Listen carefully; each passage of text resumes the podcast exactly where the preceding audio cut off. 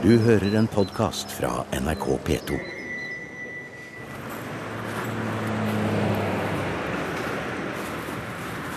Ja, Line, nå har vi kommet frem til Nå går vi i snøen her og tråkker, og jammen regner det ikke litt også. Men vi står altså og ser på en eh, vi må vel si en vakker, liten, hvit uh, trekirke her. Ja, det gjør vi. Grong kirke har jo blitt ny på 1800-tallet. Uh, fått uh, denne standardkirka som man bygde rundt omkring i landet på den tida. Ved litt sånn kirkeutbyggingsperioden som man hadde da. Men vi, før vi går inn der og ser på det vi har kommet for å gjøre og vi går litt forsiktig her, for det er veldig glatt og is og saker og ting her. Et par lys er det utover på kirkegården. Her er en av de gamle, flotte gravstedene ser vi her også. Med kjetting rundt og granittstøyler. Og så hører vi veien som går der borte, og det er selveste E6. For hvor er det vi er igjen i landet nå, Line? Nå er vi jo i Grong, da. Eh, I Namdalen i Nord-Trøndelag. Eh, og kirka ligger jo ganske nesten rett ved E6-en, som du sier. Men det her har jo også i gamle tider vært et viktig sted for folk i områdene her. Eh, sikkert pga. Eh, elven som renner forbi. Namsen er en veldig viktig lakseelv gjennom lange tider. Og vi ser åsene som går oppover her, fjellet som reiser seg oppover. Nå ser vi i retning Sverige, Jämtland og Herjedalen den veien. Og bak oss den andre veien vestover så hadde vi kommet ut til kysten. Så går altså Namdalen oppover, der som E6-en følger. Akkurat her, vi må vel være riktig å si at dette må ha vært et knutepunkt. I hvert fall i den tiden vi forbinder med pilegrimsleder. Ja, Nordleden går jo rett gjennom eh, Grong, ned til Nidaros. Og eh, det var jo en eh, viktig ferdselsåre også. Eh, ikke bare for pilegrimer, men for andre folk. For handel osv. Og, og vi vet jo at fra gammelt av så har jo eh, det stedet her også vært handelssted for samer og nordmenn. Det var et naturlig samlingssted å møtes. Eh, så gjennom lange tider har det nok vært eh, viktig for folk eh, på ferd.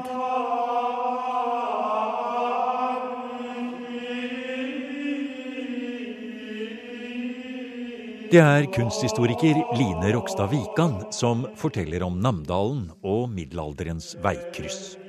Line Wikan arbeider deltid i Nidarosdomens restaureringsarbeider, er engasjert i erkebispegårdens formidling knyttet til fjernsynets Anno 1537, men er spesialist på hvordan de forskjellige helgener ble fremstilt i middelalderens kirkekunst. Og nettopp her i Grong har det i tidligere tider stått flere middelalderkirker med en helt ekstraordinær rik kunstarv. På Vitenskapsmuseet i Trondheim har de både et prosesjonskors fra 1100-tallet og en Olavsskulptur fra tidlig middelalder som kommer herfra. Og inne i kirken er det fortsatt et 500 år gammelt vakkert alterskap og en korsfestelsesgruppe. Rundt den nåværende kirken er det funnet rester et tun med hus og graver fra jernalderen, og minst én gravhaug fra vikingtid. Kanskje også rester etter en tingvoll. Det er ikke umulig at dette var stedet et av de to store gildene i Nord-Trøndelag holdt til og hadde sitt tingsted. Og vi vet fra Snorre at ikke langt unna Grong lå Inntrøndelags viktigste samlingssted og gilde, nemlig Hovet på Mære. Line Rokstad Wikan forteller at her i Namdalen var det to store bondegilder i middelalderen. Ramstad var det største, men her på Grong lå hovedsetet for det andre. Eh, det var Gilde på Medjå. Og Medjå var jo en av de viktigste gårdene eh, i Grong, i tillegg til Grong gård, som ligger rett ned her. Eh, så Gilde er jo en sammensetning av bønder, rett og slett, som kom sammen og hadde gilder, som det vi tenker på i dag. Men det var også en slags, et slags sikkerhetsnett, kan man vel kalle det. Der bøndene da hjalp hverandre i tilfelle de skulle ha problemer eller for å Ja, ja en hjelpeorganisasjon, nesten. Eh, som et laug. Som gamle håndverkslaug. Og det var jo ofte sånn i, i overgang fra eh, norrøn til kristen tid at man la viktige kristne steder også, da, på de gamle norrøne samlingsstedene. Så det ville nok vært naturlig for dem i middelalderen. Nå begynner det å regne litt, vi skal vi snart gå inn i kirken, men vi går inn under det lille overbygget her, eh, like foran inngangen her. Nå står vi i hvert fall litt i le her, men her står vi altså utenfor en hvitmalt trekirke fra 1880-årene. Vi skal inn i middelalderen der inne. Men denne kirken er jo så ny i forhold til det vi skal snakke om. Men det er ikke den første kirken som har ligget her på, på dette skal vi si, eh, møtepunktet mellom øst og vest og nord og syd her i Namdal. Nei, det har ligget flere kirker her før den her. Eh, en fra 1600-tallet bl.a., men også en før det igjen. Som eh, vi kan anta at har stått der kanskje helt siden 1100-tallet, eller 1200-tallet eh, i hvert fall. Uh, og den må nok da ha ligget rett mm. foran her. Peker du litt foran her, ja? Ja, så den 1600-tallskirka sto jo egentlig rett foran den her 1800-tallskirka som vi står nå. Så vi må kanskje anta at middelalderkirka, da, som var en enda mindre, nesten som en liten stavkirke, har ligget rett foran her hvor vi står nå. Ganske mye mindre, bare ja, som, nesten som Haltdalen stavkirke oppe på Sverresborg Trøndelag folkemuseum. Og det er jo ganske fascinerende å tenke på at den kirka har vært så liten, med tanke på hvor mye middelalderkunst som faktisk finnes fra denne kirka. Det er faktisk den ene kirka i Namdalen der det er bevart mest middelalderkunst. Så det må jo ha vært et kirkerom som har vært fylt av de utroligste skatter, nesten. Velkommen hit.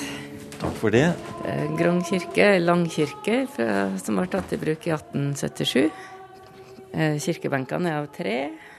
Det er kirkeverget Mildred Haugdal som låser opp for kunsthistoriker Line Rokstad Wikan og museum når vi banker på i Grong kirke i Namdalen i Nord-Trøndelag.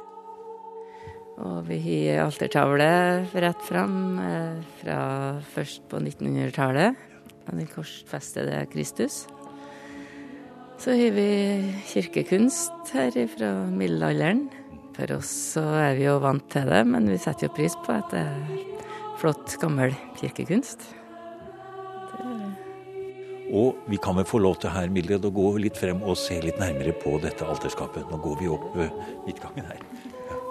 Det skal vi gjøre. Nå kommer vi opp mot alteret, og så går vi til venstre bort, for da henger det på en av kortveggene her, det som vi har kommet for å se på. Og for et fantastisk eh, Det er for et fantastisk kunstverk det er, Line. Ja, virkelig. Det her skinner det i gull og forgyllinger og sterke farger og ja, fin innramming er det òg. Så det er et utrolig kunstverk som virkelig, virkelig skinner opp når man kommer inn. Og hvis vi skulle beskrive det litt, så er det altså da eh, en veldig tydelig dybdevirkning. For, for bakgrunnen inni denne Bak disse små treskulpturene, det er jo ikke så små heller forresten, så er det gull. Det er gull, og de står jo da veldig tydelig fram. De er jo tredimensjonale, halvveis tredimensjonale i hvert fall. Så de stikker veldig ut øh, og blir veldig i kontrast med gullbakgrunnen og kommer veldig tydelig til syne. Mm. Og La oss eh, gå enda litt nærmere. Nå står vi ved et lite bord. Det er to lysestaker, og så ligger Bibelen foran her. Og nå står vi altså helt inntil denne middelalder-ikonografien, får vi nesten si det her. Vi mm. står så nært nå at det Så nær var man vel nesten ikke da det var i bruk. Nei, nesten ikke. Og i hvert fall kanskje heller ikke i dag, når mesteparten av sånn her type kunst blir vist på museum i montere osv. Så, videre. så det er jo veldig flott at vi kan eh, komme hit og se den i sin eh, egentlig opprinnelige kontekst, og da komme så nære som vi gjør. Og la oss bare gå inn i det dette representerer. Mm. Vi nevnte gull, vi nevnte at det var treskulpturer, og det er fem kvinner vi står og ser på her. Ja, og det er jo litt spesielt. Det er faktisk litt uvanlig også for denne tida, eller for middelalderkunst. Man finner faktisk ikke så mange alterskap eller altertavler der man kun har representert eh, kvinnelige helgener. Så det, den er ganske unik, kan man si. Og disse fem kvinnene vi står og ser på med gullbakgrunn, så har tre av dem kroner. Og i midten, det kan alle forstå hvem det er. Der står jomfru Maria med Jesusbarnet. Og jeg blir også slått av det at alt er helt, alt er slik som det kanskje en gang var. Men det er vel også litt på grunn av at det er restaurert? Nettopp. Det var inn eh, til restaurering på Vitenskapsmuseet i Trondheim på 70-tallet. Så da har nok fargene fått en liten oppfriskning igjen. Og vi ser jo at kronene er veldig hel. Eh, det har de ikke alltid vært, som når det kom inn til restaurering. da. Så deler har blitt fiksa litt på i senere tid. Men den er veldig godt bevart ellers. Og det meste er akkurat sånn som det var i middelalderen. Ja. For vi kan forestille oss nå at eh, det vi står og ser på, det var slik som det møtte menigheten en gang helt tidlig på 1500-tallet. Altså en generasjon før reformasjonen. Nettopp. Eh, vi antar at eh, skapet er fra begynnelsen av 1500-tallet. Laga av en svensk mester som het Håken Gullesson. Han har flere verk i Sverige, rundt omkring i kirka der, på museum der. Og da bl.a. denne altertavla i, i Grong. Og til og med en eh, Annasel tredje-figur eh, i Bjugn. Skal ha stått i Bjugn. Eh, som er helt på motsatt eh, side, på vestkysten av Norge, i forhold til der han arbeidet. Så han hadde en stor utstrekning eh, i, eh, i, Skandinavia med sin alter, alterskap og kirkekunst. Anna selv tredje, ja. Det var vel da moren til jomfru Maria, det da? Ja, det stemmer. Det er en eh, slags eh, gruppesammensetning av helgena med mora til, til jomfru Maria, jomfru Maria sjøl, og så da Jesus. Ja. Og derav navnet selv tredje. Ja, for Jesus er nummer én, og så jomfru Maria nummer to. Nettopp. Ja. Nettopp. Men la oss nå se litt på disse figurene. Jomfru Maria i midten her med Jesusbarnet, som ser ut som han holder en liten ting i hånden, forresten. Han har krøller og er Ja. ja uh, det var jo det her med å framstille eh, barn i middelalderen. Var, man gjorde dem til, noen, til, små voksne, nesten. Så han ser ut som en forminska voksenperson. Og det hold i handa, er vel et slags uh, gulleple. Et symbol på hans uh, makt her på jorda også, akkurat som i himmelen. Og hun er da omgitt av to kvinner på hver side. Til sammen altså fem kvinner, noe som vi skal komme litt tilbake til hvor sjeldent det er. Men la oss møte disse kvinnene først. Eh, hvem vil du begynne med, Line? Vi kan begynne med hun som står til venstre for eh, Maria, eh, Katarina. For hun er jo da plassert ved Jesus eh, sin høyre side. Og det er alltid den viktigste helgenen som er plassert ved Jesu høyre side. Så Katarina hun er jo en, eh, en jomfruhelgen som levde vel på 300-tallet og var um, skulle giftes bort, um, men ville ikke inngå det ekteskapet. Og ble senere da torturert for sin tro på Jesus, som da var hennes eneste ektemann, for å si det på den måten. Det var det eneste ekteskapet hun ville inngå. Mm. Og dette var vel sikkert også da i den helt første kristne tiden. Så det å ta et standpunkt da, det var sikkert mer kontroversielt enn det ble senere? Akkurat. Eh, det var akkurat slik det var. Og det var derfor hun også ble torturert og til slutt halshugd eh, med et sverd. Men, men hvor er sverdet? Sverdet har dessverre forsvunnet. Det er blitt bort. Eh, så nå står hun der bare med det lille hjulet i, i handa si. For det, når jeg spurte hvor er sverdet, så er det sånn at det har jeg også lært meg, at det er sånn man kjenner igjen de forskjellige helgenene. Det er ved de såkalte attributtene som de er fremstilt med. Altså de holder ting i hendene sine eller har med seg i, i fremstillingen av dem, enten det er maleri eller på en skulptur, så har de med de tingene som forteller om deres liv. Nettopp. Så Grunnen til at vi kan kjenne igjen den figuren her, er jo pga. at hun holder hjulet. Og når vi da kjenner helgenhistorien til Katarina, så vet vi ganske enkelt at det her er Katarina. Hun ble først torturert da, på hjulet med hjul og steile, og så senere halshugget med det sverdet som da ikke lenger er der. Men hun står nå der på, på jomfru Marias høyre side. Og på den andre siden så står det også da en kvinne, for her er det altså bare kvinner. Og hun har et tårn i hånden, og da vet du med en gang hvem det er. Ja, det er Santa Barbara. Eh, igjen ganske lik historie med Katarina. Hun var også en av de første kristne. Eh, og skulle da giftes bort, hun også, til en rik mann. Eh, men eh, først ble hun låst inn i det her tårnet av sin egen far. Fordi han ville da skjule omverdenen for hennes skjønnhet og beholde hennes dydighet osv. Uh, og siden nå uh, så skulle hun jo da giftes bort, men akkurat som Katarina så ville ikke hun inngå noe annet ekteskap enn med Jesus heller. Og til slutt ble vel faren hennes ramma av et lynnedslag og gjort til aske. Så det er ganske dramatisk, mange av de her historiene. Og Barbara ble også torturert og, og til slutt eh, drept og halshugd. Men når det gjelder sånne helgenvitar, helgenbeskrivelser, så er det jo veldig mange av dem. Og eh, i den katolske kirke så var det jo også på 13-, 14- og 1500-tallet, holdt jeg på å si for å være litt uærbødig, mange å velge mellom. Mm. Men her har man altså da valgt to med noenlunde samme historie, kan man si. Mm. Eh, og vi har fortsatt to kvinner igjen. Men hva med deres historie? Passer de også inn i det bildet? Nei, ikke helt. Eh, her har vi en helt annen form for eh, helgener i fløydøren på alterskapet. Og hvem er det? Til høyre har vi Santa Birgitta av Vadstena, svensk helgen, som levde på 1300-tallet.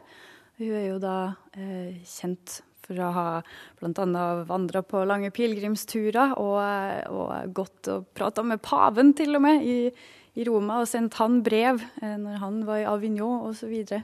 så hun er jo en veldig driftig kvinne. Hun var også gift og hadde åtte barn. Så noe helt motsatt av de her jomfruhelgenene som vi ser i, i midten av altertavla. Og hun står og peker på en bok. Hun har vel da kanskje skrevet ned et av sine syner som hun fikk fra Gud, og som hun ville til paven for å fortelle om. Og som du sier, skrev brev til paven, og også foreleste for paven om. Så det er vel de synene som hun peker på der. Sin eh, nonneorden eh, godkjent av paven, Birgitinerordenen. Kanskje kan, eh, kan det være et dokument eh, som hun tok med også. Og hun har da heller ikke krone på hodet, men et uh, skaut uh, som da som forteller at dette var en gift kvinne. Nettopp. Uh, det var jo som at gifte kvinner skulle dekke til hodene sine i middelalderen. Og det gjaldt for alle, for allmuen også. Så det her er et hodelin som, som kvinner har brukt på 1400-1500-tallet og tidligere også. Og alle sammen har eh, kapper i gull og flotte klær og er veldig vakkert utstyrt. Og vi har én kvinne igjen som står på motsatt side, på den andre fløyen. Også hun har et hodelin. Ja, eh, og hun holder krukke i hendene sine. Eh, og pga. det så kan vi vite at det her er Maria Magdalena. Som salvet Jesu føtter. Nettopp. Etter å ha vaska dem, så tok hun salvekrukka si og salva Jesus' føtter.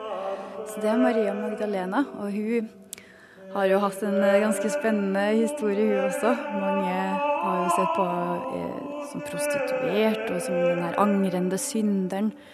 Og som da blir tatt under Jesus sine vinger og igjen kan redde sin sjelefred på den måten. Og vi er jo så heldige at vi har eh, kirkevergen her. Ja, vi kan eh, se på baksida. Du lukker et skap. Går rundt skapet og tar i det ene hjørnet. Og lukker det. Og nå blir det til nesten som en kasse. Nå er det et alterskap. Ja, nå er det virkelig et skap. Eh, på utsida av fløydøren her. Sammen med kunsthistoriker Line Rokstad Wikan går vi og setter oss et stykke nede i kirken for å betrakte det lukkede alterskapet på avstand. Vi vet at når det åpner seg, er det fem sterke kvinner som kommer til syne. Og det er i en tid hvor fru Inger til Austrått fortsatt lever, og hvor det bare én generasjon tidligere hadde vært dronning Margrethe den førstes tid. den norsk-danske dronningen som samlet hele Norden til ett rike, for øvrig med Birgitta av Vadstenas datter som guvernante på Akershus slott. Det er uhyre sjeldent at det kun er kvinnelige helgener i et slikt alterskap. Det er temmelig unikt for hele Norge, sier Line Rokstad Wikan. Så hvorfor henger det et slikt skap akkurat her? Det fins flere teorier. Um, men uh, vi kan jo se for oss at eh, bestilleren av denne kunsten kanskje kan ha vært ei mektig husfrue på Grong gård. Uh, Medjogilde har også vært et forslag til hvem som da har bestilt dette kunstverket. Kanskje har det vært en del mektige storbønder, kvinnelige storbønder rundt omkring på gårdene her, som har vært med og hatt innflytelse på valg av helgener til alterskapet. Mm. Hvis det har vært en mektig husfrue, som du sier, enten en enke eller en som var ugift, eh, så ville det ha vært en slags hyllest til kvinners eh, skal vi si selvstendighet, kvinners eh, medinnflytelse i datidens samfunn. Og det er noe som vi kanskje ikke tenker på i dag, at kvinner hadde en ganske sterk, eller kunne ha, en sterk rolle i middelaldersamfunnet. Mm. Ja, nei, De fleste forbinder jo middelalderen med kvinnenedtrykkelse, og kirka tar over, og de har ikke så mye de skulle ha sagt. Men uh, her i Skandinavia så var kanskje forholdene litt uh, annerledes enn hva vi først tenker. Uh, hvis man går tilbake til vikingtid og tidligere, så hadde jo kvinner en ganske sterk posisjon i samfunnet. Når eh, menn reiste av gårde og de var alene igjen på gården og måtte styre hele denne produksjonen og, og ja, hadde nøkkelen i beltet sitt og var den mektigste. Eh, og det her er kanskje noe som fortsetter også utover eh, middelalderen. For det her med arverettigheter, der hadde kvinner fortsatt ganske sterke rettigheter eh, helt fram til 1600-tallet nesten. Eh, man hadde det som kalles bilaterale arverettigheter, som betyr at kvinner, eller jenter, like så godt som menn kunne arve. Eh, for det om det var en, eh, en eh, mannlig arving i nær slekt, så var det fortsatt sånn at hvis jenta var nærmest arvingen, så var det hun som fikk hus og gård. Og ikke bare var det mange sterke kvinner i norsk middelalder, sier Line Rokstad Wikan. Hvis vi begynner å telle opp hvilke helgener det er flest av i den norske katolske middelalder, så er det mer enn Olav den hellige og de mest kjente mannlige skikkelsene fra bibelhistorien. Nå er jo Olav kanskje den som er mest representert her til lands i Norge, for han var jo en veldig viktig, viktig helgen. Men hvis man begynner å se på altertavlene generelt, og tar for seg hvilke helgener som blir representert, så finner man faktisk at eh, kvinnelige helgener eh, er overtallig. Det finnes flere kvinnelige helgener til sammen i trønderske og norske alterskap enn eh, kanskje mannlige. Så eh, det virker som de har vært veldig populære. Eh, spesielt kanskje da eh, jomfruhelgenene, som man ser om og om igjen gjennom hele middelalderen. Før man da får andre grupper utover senmiddelalderen. Som bl.a. Eh, de fire jomfruhelgenene ble en veldig populær gruppe i senmiddelalderen. Og der har vi jo da Barbara, som vi ser her, og Katarina. Men i tillegg har vi Dorothea og Sankt Margareta så de fire blir veldig viktige som en gruppe. For eh, en gruppe helgener har jo større kraft enn én en helgen alene. Så det, det, virker som det er noe som går igjen i kunsten på denne tida. Nesten som en tendens, kan man si. Så avbildning av kvinner, altså kvinnelig ikonografi, altså at man velger kvinnelige helgener, er det holdt jeg på å si, på moten da, mer utover på 1400- og 1500-tallet enn det hadde vært tidligere? Man kan nesten si det, men man finner jo selvfølgelig eksempler fra tidligere middelalder også. Eh, jo, I Norge har man jo bl.a. Santa Sunniva, som er en veldig populær norsk helgen. da. Men uh, utover 1400-1500-tallet så kanskje hun blir litt sånn gammeldags, egentlig. Det er jo uh, mote og, og trender i middelalderen også. Det er ikke en moderne ting. Og da skal vi be Mildred om du kan gå bort, Mildred. Nå sitter vi her nede i kirken, og så ser vi et syn. Se nå.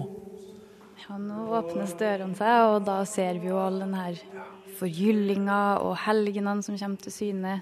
Det skinner i gull og kroner og vakre utsmykninger, og der åpner skapet seg.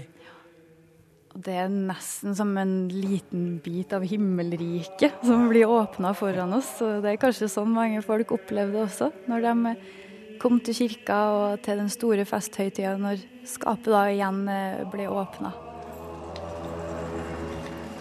Du har hørt en podkast fra NRK P2.